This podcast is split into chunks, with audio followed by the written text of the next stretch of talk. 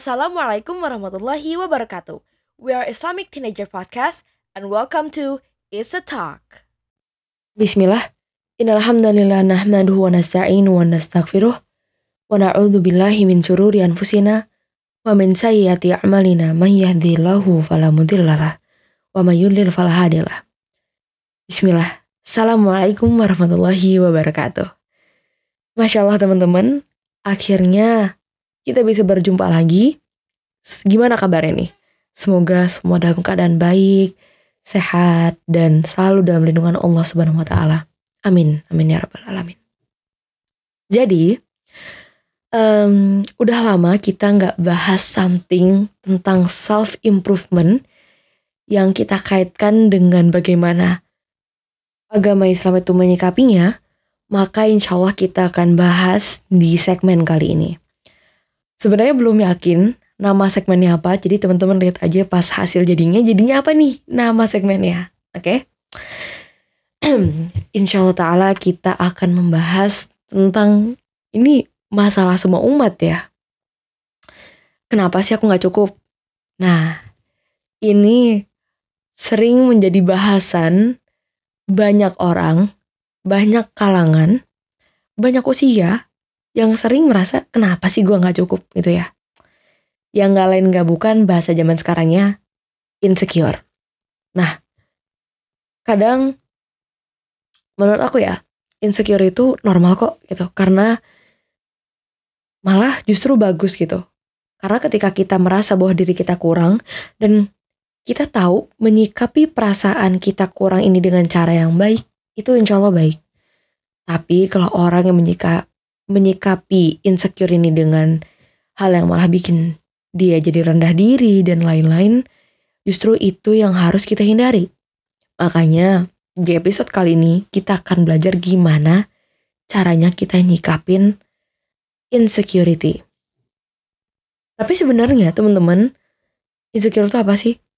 Kadang banyak yang orang ngomong gitu kayak, duh gue insecure banget nih sama diri gue gitu. Oke, okay, kayak kita akan bahas dari artinya deh.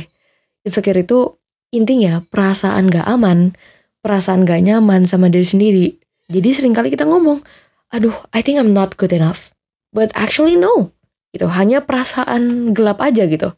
Dan sering kali nih khawatir kayak gini nih bikin kita merasa apa ya banyak hal buruk yang akan terjadi padahal itu nggak pasti dan belum tentu terjadi. Jadi jadinya suuzon nih. Jadi kadang tuh ngeberatin kepala, overthinking.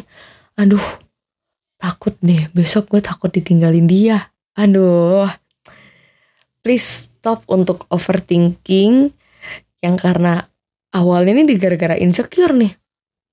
Jadinya banyak hal yang terpengaruhi sama pikiran kita gitu.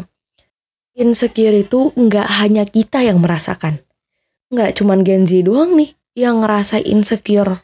Oh enggak. Kalau kita mau belajar insecure-insecure ini, coba kita flashback ke ceritanya para sahabat menanggapi kerennya beramalnya Abu Bakar. Ada lah satu kisah di mana um, pas saat itu Rasul bertanya nih, sahabat, nih siapa sih yang mau menyedekahkan hartanya? Nah di sini nih jadi ajangnya ya kan. Nah di sini banyak ada yang menyedekahkan satu per tiga hartanya, ada yang setengah dari seluruh hartanya. Tapi bayangin apa yang Abu Bakar lakukan. Beliau mengatakan bahwa beliau mau menyedekahkan seluruh hartanya. Lantas nih sahabat pasti nanya, loh kok bisa sih? Seluruh hartanya loh yang disedekahin. Lalu Rasul nanya gitu. Apa yang kamu tinggalkan untuk keluargamu, Abu Bakar? Lalu apa yang Abu Bakar katakan? Aku tinggalkan mereka dengan Allah. Nah, di sini sahabat nih pasti sempet insecure. Yakin aja. Karena merasa nggak bisa ibadahnya kayak Abu Bakar. Nah, dari sini kita belajar bahwa insecure, maksudnya nggak merasa cukup, itu tuh nggak hanya dari zaman kita, bahkan dari cerita tadi aja sahabat juga apa ya tercengang gitu. Abu Bakar itu fastabikul khairatnya kenceng banget ya. Masya Allah. Tapi nggak lantas dengan itu kita merasa kita nggak cukup. Nggak teman-teman.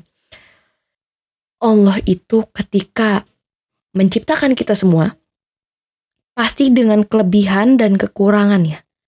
Dan aku pernah dengar, Ustadz Nuzul pernah bilang di salah satu kajiannya bahwa bentuk hamba yang gak bersyukur itu adalah hamba yang gak bisa memaksimalkan kelebihannya yang Allah berikan.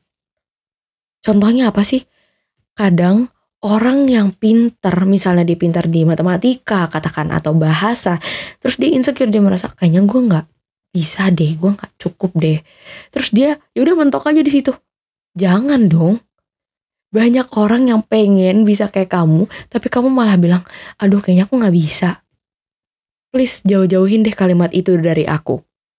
Please katakan itu ke diri kamu ketika merasa hal-hal itu datang ke pikiran dan kepala kamu bahwa aku merasa nggak cukup, please stop. Dan berpikir lagi bahwa apa aja sih yang kira-kira udah kamu achieve. Kadang kita nggak selalu kok harus bandingin diri kita sama orang lain. Sebenarnya boleh kita bandingin diri kita sama orang lain. Tapi kalau misalnya kamu membandingkan diri kamu ke orang lain, tapi malah bikin diri kamu down, jangan ya. Karena kita semua punya kelebihan sama kekurangan yang diri kita kadang kita ngelihat hidup orang yang kayaknya apa ya sukses gitu kayak ih dia cantik banget ih dia penghasilannya sekian. Ih dia terkenal. Padahal kita nggak tahu kan sebenarnya kekurangan apa yang dihadapi. Jadi stop untuk merasakan diri kamu itu nggak cukup. Dan start to think bagaimana aku bisa membuat diri aku feel better. Nggak harus benar-benar merasakan sembuh dari insecure karena aku tahu itu pasti akan susah, itu akan sulit. Dan aku belum tentu bisa menjawab karena aku sendiri juga merasakan hal yang sama. Tapi yang aku fokuskan untuk diri aku sekarang adalah bagaimana aku bisa membuat ini rasanya lebih plong di diri aku. Gimana caranya aku better lah menanggapi pikiran-pikiran um, buruk tentang diri aku dan insecure atas diri aku sendiri. Nah, untuk teman-teman juga yang ternyata gak tahu saya sebenarnya aku insecure gak sih? Oke, ini adalah tanda-tanda di mana orang itu insecure. Jadi aku kasih tahu nih. Pertama, meragukan kualitas dan harga diri kamu. Itu sangat apa ya? Kalau orang insecure, dia nggak pede sama diri dia, dia kan cenderung meragukan diri dia. Dalam banyak hal dan termasuk kualitas dan harga diri. Kadang sebenarnya harga diri kita di depan orang-orang tuh bagus, tapi kadang kalau diri kita insecure kayak merasa kita tuh bukan apa-apa. Bener deh. Itu pertama. Kedua, merasa nggak cocok sama lingkungan. Kadang sering sih hal-hal ini terjadi sama orang-orang, apalagi yang merasa dirinya insecure yang dia jadi nggak pede, dia ragu, dia karena dia merasa hal-hal kayak gitu tuh, itu bikin dia merasa nggak cocok nih sama lingkungan gitu ya ketiga itu takut orang lain mengabaikan kita sering banget karena kita tadi nih kita merasa orang itu melihat kita dengan kualitas dan harga diri yang rendah gitu. Jadi kita mikir kayaknya orang nggak akan dengerin aku deh. Padahal pikiran kamu tuh belum tentu sama dengan orang yang nilai kamu. Jadi stop untuk menilai diri kamu tuh buruk ya. Keempat sangat sensitif terhadap kritik. Menurut aku, semua orang termasuk diri aku sendiri kayaknya itu ya kadang kita sensitif ya terima kritik kayak eh sa kayaknya lo nggak bagus dipakai warna ini. Kadang kita merasa kayak kenapa sih kayaknya cocok-cocok aja ya. Padahal sebenarnya kita dikasih kritik itu karena dia sayang. Please um, artikanlah kritik itu sebagai rasa sayangnya orang terdekat kamu terhadap kamu. Jadi sebenarnya kalau kita menanggapi kritik sendiri ya, jangan uh, kita gambling menerima semua kritikan orang. Itu jangan. Karena Kalau kita katakan bahwa semua kritik orang itu benar terhadap kita, maka ayo kita balikin lagi ke cerita di mana Rasulullah SAW itu menerima wahyu pertamanya. Dan orang-orang kafir Quraisy, orang-orang yang nggak tahu Rasul secara personally, mereka mengatakan bahwa Rasul itu pembohong, pendusta, dan orang gila dan lain-lain yang buruk. Tapi yang kita titik beratkan dalam cerita ini bahwa Rasul itu uh, benar Rasul ini menerima wahyu itu dari mana sih? Kita ambil dari orang-orang terdekatnya Rasul. Kayak ada Abu Bakar, terus ada Zaid, ada Ibunda Khadijah. Beliau-beliaulah yang mengatakan bahwa Rasul ini nggak bohong. Karena beliau-beliau inilah yang tahu Rasulullah. Jadi, banyak orang yang berpikir bahwa semua kritikan itu bisa kita terima, menurut aku nggak bisa. Karena kalau kita bilang semua kritikan orang itu benar, maka kita lihatlah cerita yang tadi. Apakah kritiknya orang kafir Quraisy itu diterima nih dalam cerita ini? Enggak. Yang diterima adalah bagaimana reaksinya orang-orang terdekatnya Rasulullah. Itu yang sebenarnya harus kita titik beratkan. Jadi nggak bisa kita benar-benar menerima semua kritikan orang. Karena percayalah, katanya Ibnu Hazm, orang yang pengen uh, dirinya itu diridhoi sama semua orang, itu adalah orang gila. Karena nggak akan mungkin. Gak usah jauh-jauh, coba kita lihat kita sama teman kita. Pasti ada bedanya kan? Gak mungkin plek ketiplek sama. Dan gak mungkin plek ketiplek kita bisa menerima kekurangan dia. Lebih ke kita bisa menghargai perbedaan kita. Jadi, jangan terpaku pada perbedaan ya. Oke, okay, back to the topic. Kita tadi nomor berapa ya? Nomor 4 ya. Nomor 5, terobsesi dengan kekurangan diri. Sebenarnya, uh, aku juga orang yang suka mikirin kayak overthinking. Ini aku orangnya overthinking banget nih, aku kasih tahu aku suka overthinking salah satunya suka nge-overthinkingin kekurangan diri. Kadang aku merasa kayak kayaknya aku terlalu loud person banget deh. Atau aku suka mikir kayak kayaknya aku terlalu tertutup banget deh. Sebenarnya boleh sih kita mikirin kekurangan diri kita tapi jangan sampai jadi obsesi ya teman-teman.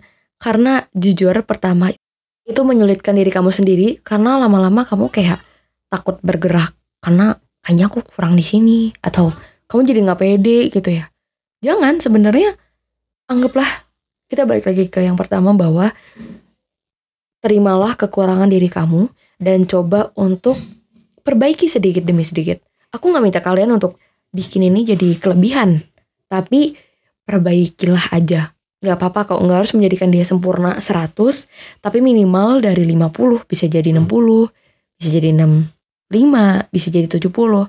Yang penting bertahap dan kita tahu bahwa kita nggak jadiin ini uh, sempurna, tapi untuk lebih baik kayak jadi better gitu lah. Dan yang terakhir itu merasa nggak bisa mengatasi hal yang sulit. Nah, ini dari tadi nggak pede, merasa nggak cocok, merasa orang nggak baikin kita, terus kita juga sensitif sensitif sama kritik terus kita juga terobsesi sama kekurangan jadi kita merasanya sulit nih kayak gue sulit deh begini. Gue sulit deh gini. Kayak gue nggak bisa begini.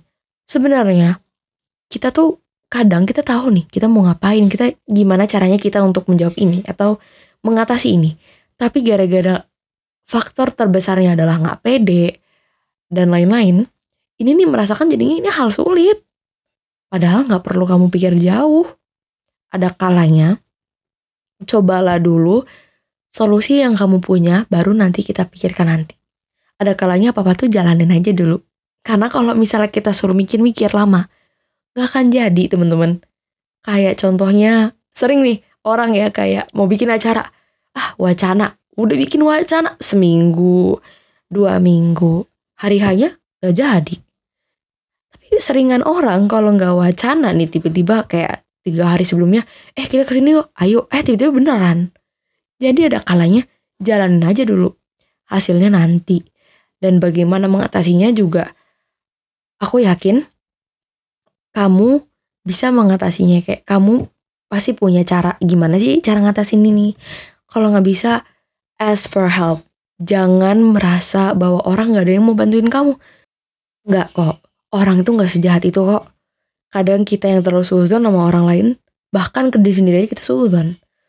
Please stop segala intuisi yang buruk dan start to think more positive than ever, oke? Okay? Dan mungkin ini untuk orang-orang yang insecure, aku cuman mau bilang bahwa insecure doesn't make you weak, but it makes you you human. Jadi insecure itu sekali lagi aku kasih tahu bahwa itu bukan bikin kamu lemah gitu, tapi itu bikin kamu manusia. Makanya dengan kamu lemah, kamu tahu harus bersandar ke yang mana? Ke yang lemah kah? Atau yang menciptakan rasa lemah dan menciptakan kamu? Makanya insecure sebenarnya perlu. Jadi kita tahu nih bahwa oh gua butuh ya gua butuh yang menciptakan gua gua butuh sama orang yang gak akan bersandar sama hal yang lemah juga gue butuh Allah Nah, itu yang harus kalian pikirin. Jadi jangan pikirannya insecure. Aduh, kayaknya gue gak bisa nyelesain ini. Gue gak bisa ini, gue gak bisa ini. Tapi langsung sadarin bahwa kamu tuh gak lemah. Itu kamu manusia. Manusia akan merasa lemah. Makanya bersandarnya sama Tuhan. Tuhan kita siapa? Allah subhanahu wa ta'ala. Allah yang menciptakan kita lemah. Biar kita ingat bahwa kita ini butuh tempat di mana kita bersandar. Oke? Okay? Kedua, please try to apa ya menantang pikiran diri kamu sendiri. Kalau kamu bilang, ih kayaknya gue nggak bisa nih loncat ke batu ini gitu. Tantang ada kalanya kita tuh harus nantang pikiran kita di sini. Sebenarnya gue bisa gitu. Dan sering kali doktrin kayak daripada kayaknya gue nggak bisa sama ayo kamu pasti bisa. Nah doktrin ini tuh yang sebenarnya ngedorong diri kita dan akhirnya bisa. Jadi please doktrin pikiran kamu untuk aku bisa ngelewatin hal ini dan gak apa-apa untuk merasa insecure. Dan aku bisa untuk menjadi lebih baik. Itu. Terus juga kenali trigger kamu gitu. Kayak kira-kira trigger aku apa sih gitu. Dan lain-lain. Menerima ketidaknyamanan juga. Jadi gak apa-apa. Kamu terima rasa gak nyaman kamu. Kayak, aduh aku sebenarnya gak nyaman banget sama MTK. Gue gak bisa gitu sama MTK ini ya terima aja bahwa kamu nggak nyaman gitu nah dari situ kamu lama-lama akan merasa ya udah aku berdamai dan nggak apa-apa. Ada kalanya hal-hal yang nggak nyaman kayak gini itu adalah fase dari hidup. Emang struktur hidup ini kayak gini pasti akan ada nggak nyamannya dan it's okay. Yang penting kamu jalani dengan usaha yang kamu punya gitu. Maksimalin usaha kamu. Untuk hasil Allah nggak selalu melihat hasil. Allah kadang melihat prosesnya. Kadang kita nih yang perempuan ya, kita kadang udah niat nih ya Allah besok aku mau puasa.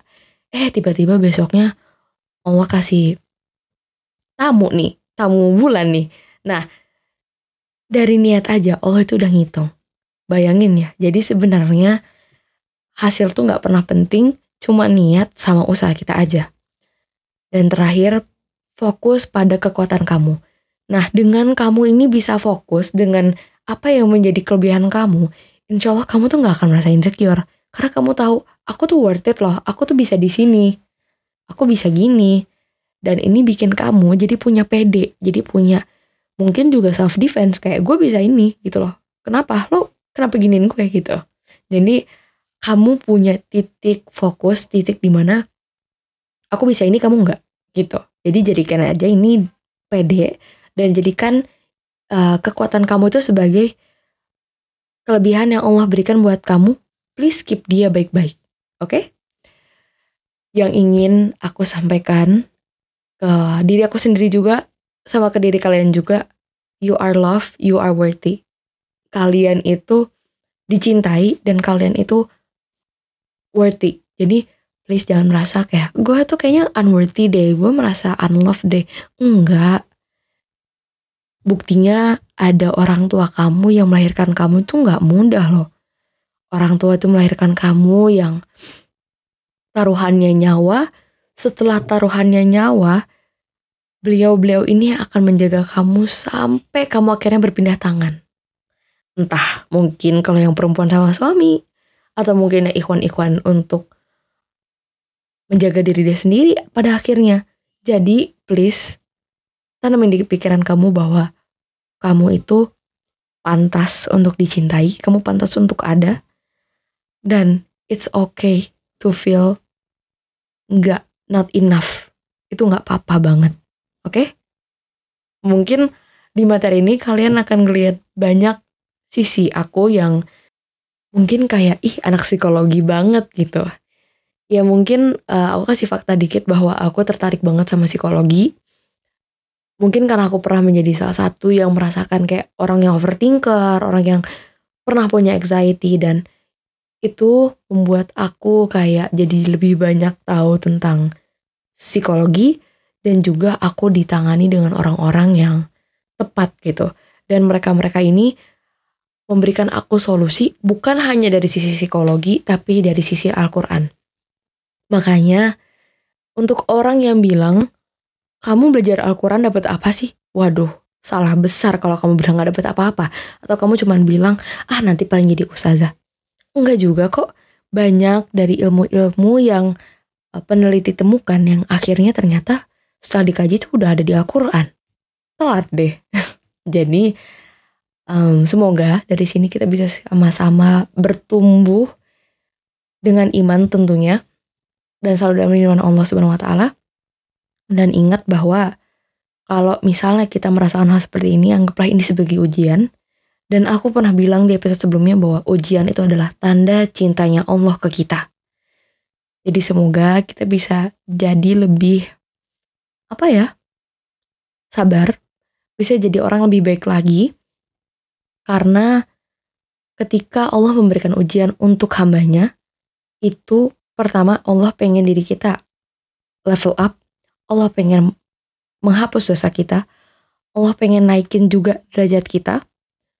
Allah pengen jadikan kita tuh manusia yang lebih baik lah. Jadi, apakah ada hal yang buruk dari yang namanya ujian? Aku rasa enggak ya.